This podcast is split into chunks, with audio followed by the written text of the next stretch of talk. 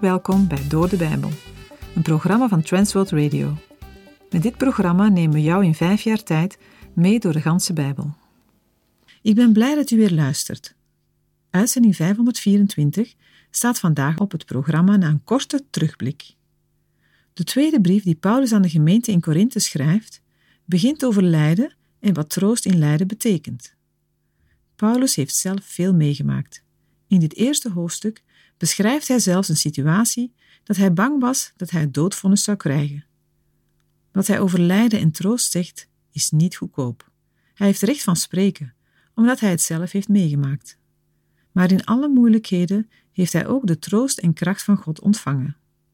En die kan hij weer delen met anderen die troost nodig hebben.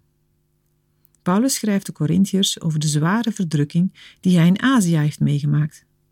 Hij hield er zelfs al rekening mee dat hij het niet zou overleven.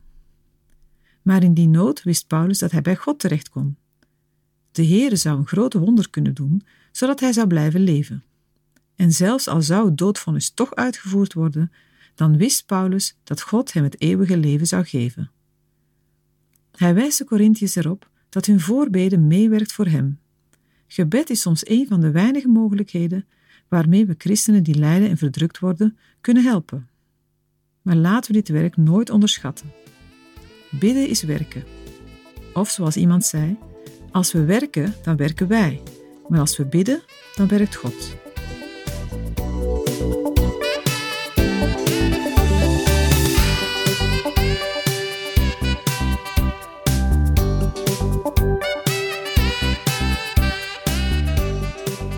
In de vorige uitzending zagen we dat de apostel Paulus zich verdedigd heeft tegen de beschuldiging dat hij onbetrouwbaar zou zijn en op al te gemakkelijke wijze zijn reisplannen heeft gewijzigd. Paulus heeft aangegeven dat zijn reisplan wel is veranderd, maar dat betekent niet dat hij onbetrouwbaar is. De betrouwbaarheid van de apostel is niet afhankelijk van het wel of niet doorgaan van een bepaald reisschema. Betrouwbaarheid hangt samen met de gesteldheid van het hart. Paulus' hartsgesteldheid komt voort uit zijn roeping als prediker van het evangelie en deze roeping komt op haar beurt van God. Zodoende is uiteindelijk de trouw van God de oorsprong van Paulus' betrouwbaarheid ten opzichte van de gemeente. In de versen 21 en 22 gaat de apostel dit verder uitwerken. 2 Korinthe 1 versen 21 en 22 En hij die ons met u bevestigt in Christus en ons gezalfd heeft, is God, die ons ook verzegeld heeft en het onderpand van de geest in onze harten gegeven heeft. Het is op zich jammer dat degene die hen het evangelie van Christus heeft verkondigd, zich moet verantwoorden of hij wel een echte gelovige is. Als de Corinthiërs door de prediking van Paulus tot geloof zijn gekomen en vaste grond onder hun voeten hebben gekregen, dan kan het toch niet anders dat Paulus en zijn medewerkers die vaste grond ook hebben ontvangen. Zij zijn door Christus aangesteld als apostelen. Hij heeft zijn stempel op hen gezet door hen zijn Heilige Geest in het hart te geven. Het is logisch dat een toenemende verbondenheid met de Heer Jezus Christus een toenemende betrouwbaarheid tot gevolg heeft. Niet alleen versterkt de Heer de verbondenheid met Christus, maar hij zalft ook zijn dienstknechten. Daarbij moeten we denken aan de zalving van de gelovigen met de Heilige Geest. Met diezelfde Heilige Geest zijn de gelovigen, ook Paulus en de Corinthiërs, verzegeld. Door middel van een afdruk van een zegel of zegelring markeerde men in de oudheid zijn eigendomsrecht of gaf men aan een brief of voorwerp een bewijs van echtheid mee. De verzegeling die Paulus hier bedoelt bestaat uit de vervulling met de Heilige Geest, die de Heer Jezus aan de gelovigen heeft beloofd. Deze verzegeling met de Geest is niet alleen een teken van het goddelijke eigendomsrecht op de gelovigen, het is tegelijk het onderpand van het toekomstige heil dat de gelovigen te wachten staat. De vervulling met de Heilige Geest is de eerste gave van de toekomstige heerlijkheid. De Heilige Geest is dus ook een garantie dat de rest, de volledige heerlijkheid, zal volgen. Het is opmerkelijk dat in het betoog van Paulus zowel God de Vader, Christus de Zoon, als de Heilige Geest worden genoemd als waarborgen voor de betrouwbaarheid van Paulus en zijn medewerkers. Net als in Deuteronomium 19 noemt Paulus drie getuigen om zijn oprechtheid en betrouwbaarheid te bewijzen. 2 Korinthe 1 vers 23 En ik roep God aan tot getuige over mijn ziel, dat ik om u te sparen niet weer naar Korinthe ben gekomen. De voorgaande versen dienden om de betrouwbaarheid van de apostel en zijn medewerkers ten aanzien van de Corinthiërs te bevestigen en het verwijt van onbetrouwbaarheid te niet te doen. Nu geeft Paulus de reden voor de verandering van zijn reisplan en het niet doorgaan van zijn extra bezoek. Hoe tegenstrijdig het ook klinkt voor de Corinthiërs, het was om hun eigen bestwil. Paulus wilde hen ontzien. Paulus roept God op als zijn getuige. Het wil zeggen dat Paulus zich beroept op de Heer als getuige over zijn leven dat hij oprecht is. Daarbij is duidelijk sprake van God als de hoogste autoriteit en rechter. De woorden van de apostel krijgen daarmee het karakter van een bezwering. De Heer mag Paulus het leven nemen, als hij niet de waarheid spreekt. Paulus weet dat als hij naar Korinthe komt, hij moet optreden tegen hen die in zonde leven, tegen de rebellie en tegen allerlei wantoestanden. Dan mag en kan hij de Corinthiërs niet meer ontzien, maar moet hij orde op zaken stellen. Aan het eind van de tweede Korinthebrief komen we dat weer op het spoor. Als de apostel in 2 Korinthe 13 vers 10 schrijft: Daarom schrijf ik u dit terwijl ik afwezig ben, opdat ik, wanneer ik aanwezig ben, niet streng hoef op te treden, overeenkomstig de volmacht die de Heere mij gegeven heeft, tot opbouw en niet tot afbraak. De woorden niet weer staan in verband met 2 Korinthe 2 vers 1, waaruit valt op te maken dat Paulus onlangs een kort bezoek aan Korinthe heeft gebracht, dat zowel voor hem als voor de Corinthiërs op een pijnlijke ontmoeting is uitgelopen. Dit bezoek is niet in handelingen genoemd. 2 Korinthe 1 vers 24 Niet dat wij heersen over uw geloof, maar wij zijn medearbeiders aan uw blijdschap, want u staat vast door het geloof. Sommige Corinthiërs zouden op dit moment de vraag kunnen stellen wat Paulus zich eigenlijk wel inbeeldt als hij zo over hen spreekt. Bepaalt hij wat goed is voor hun geloofsleven? Is hij de baas? In 1 Korinthe 4 heeft Paulus zijn verantwoordelijkheid voor de gemeente omschreven als die van een vader voor zijn kinderen. Maar ondertussen was gebleken dat sommigen van hen deze vaderrol van Paulus niet accepteren. Nu verduidelijkt de apostel dit. Paulus en zijn metgezellen voeren geen heerschappij over hun geloof. Als gelovigen zijn de Corinthiërs het eigendom van God en niet van Paulus. De apostel omschrijft zijn eigen rol als het meewerken aan hun blijdschap. Paulus en zijn metgezellen zijn in de eerste plaats medewerkers van God. Het is hun opdracht om blijdschap te verspreiden, vreugde in het geloof. Als hij nu opnieuw naar Korinthe zou gekomen zijn, dan zou zijn komst alleen maar verdriet en pijn hebben veroorzaakt, zowel bij Paulus als bij de Corinthiërs.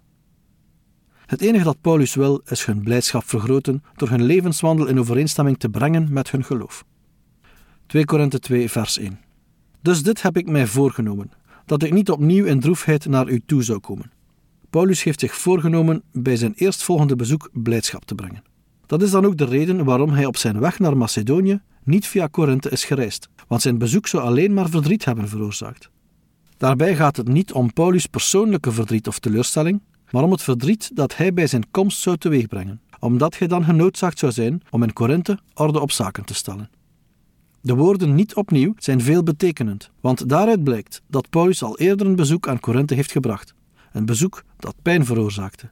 Daarmee kan niet het langdurige verblijf zijn bedoeld dat in Handelingen 18 staat beschreven, want dat bezoek resulteerde in de bekering van veel Corinthiërs en de oprichting van de christelijke gemeente. De conclusie is dat Paulus, waarschijnlijk na het schrijven van de eerste brief aan Korinthe, een kort bezoek heeft gebracht, mogelijk na de terugkeer van Timotheus, met teleurstellende berichten. 2 Korinthe 2, vers 2. Want als ik u bedroefd maak, wie is het dan die mij verblijden zal, behalve hij die door mij bedroefd is gemaakt? Een bezoek op dit moment zou niet alleen teleurstellend zijn voor de Corinthiërs, maar ook voor Paulus zelf.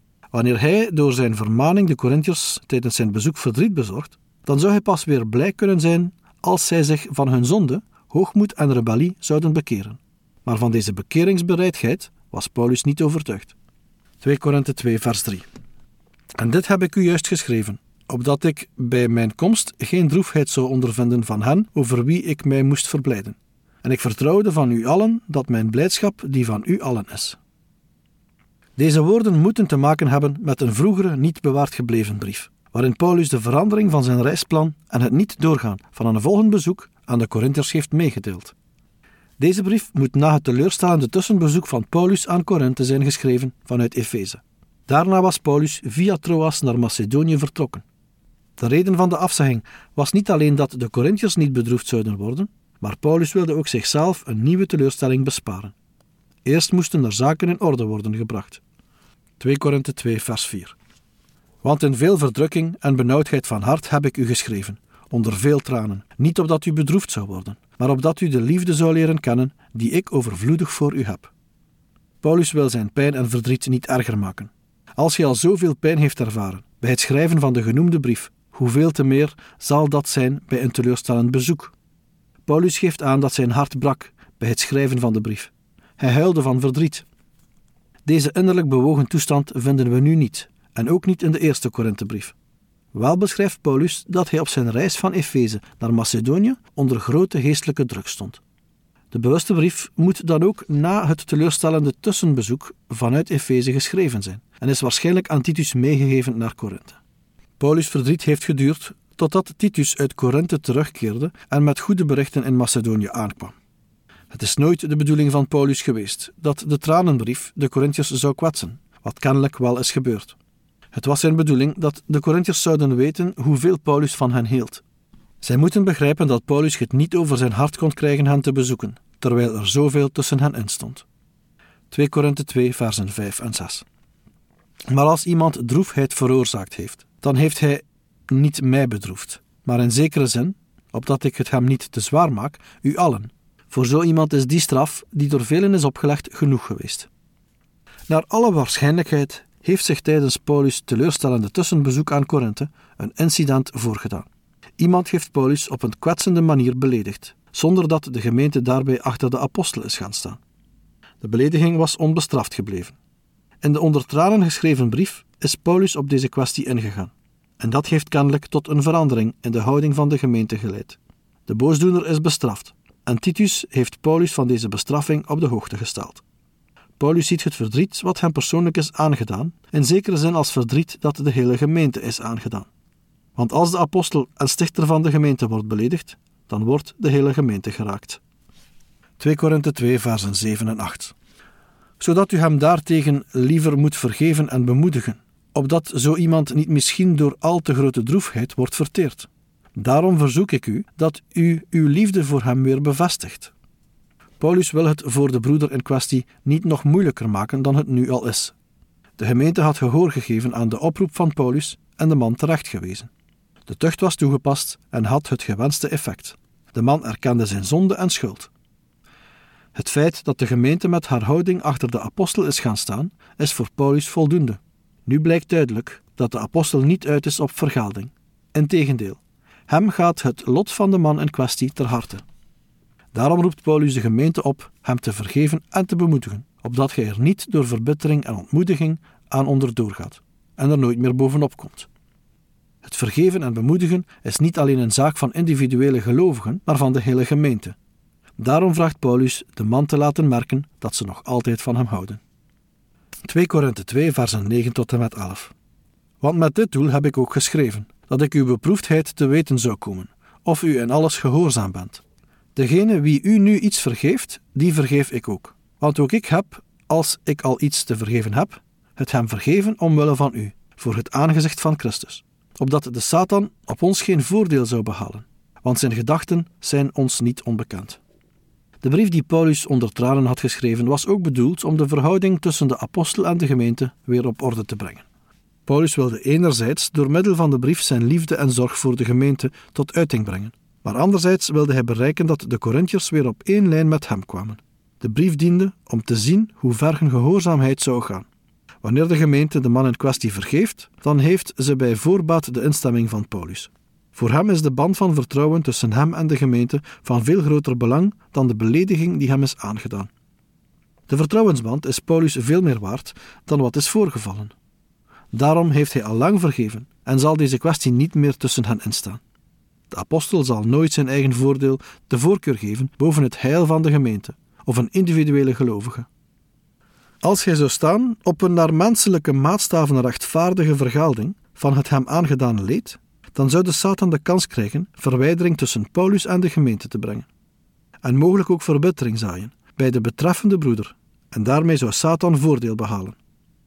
De apostel is zich deze opzet van de Satan zeer goed bewust. Paulus kent zijn streken maar al te goed.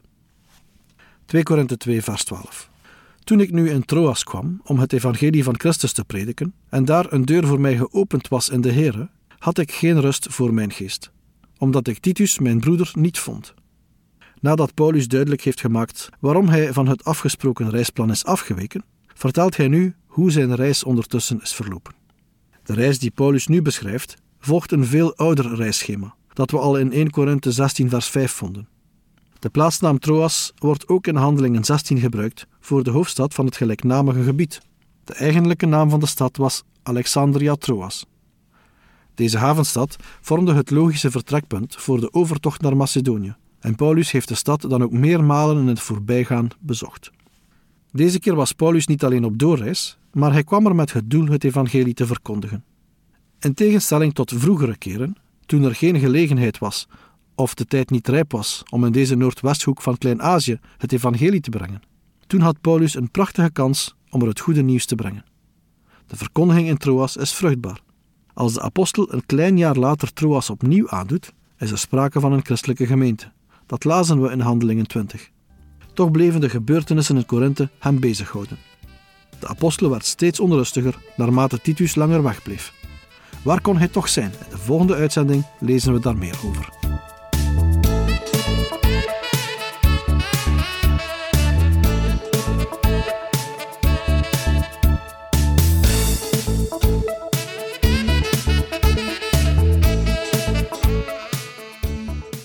U heeft geluisterd naar Door de Bijbel, een programma waarin we in vijf jaar tijd de ganse Bijbel bespreken. De basis voor het programma is de Bijbelstudiereeks van Dr. Vernon McGee, Through the Bible. Deze werd in het Vlaams vertaald en bewerkt door Transworld Radio. U kan elke werkdag naar een nieuwe uitzending luisteren en u kan ook steeds voorbije uitzendingen opnieuw beluisteren of downloaden. Als u wilt reageren op deze uitzending of u heeft vragen, dan kunt u uiteraard contact met ons opnemen. U kan een e-mail sturen naar doordebijbel.twr.be. Verder kan u op onze site terecht, www.twr.be, voor meer info en het beluisteren van onze overige programma's. Dit programma werd gepresenteerd door Patrick Couchement en Anne Notenboom. Wij danken u voor het luisteren en graag tot een volgende keer.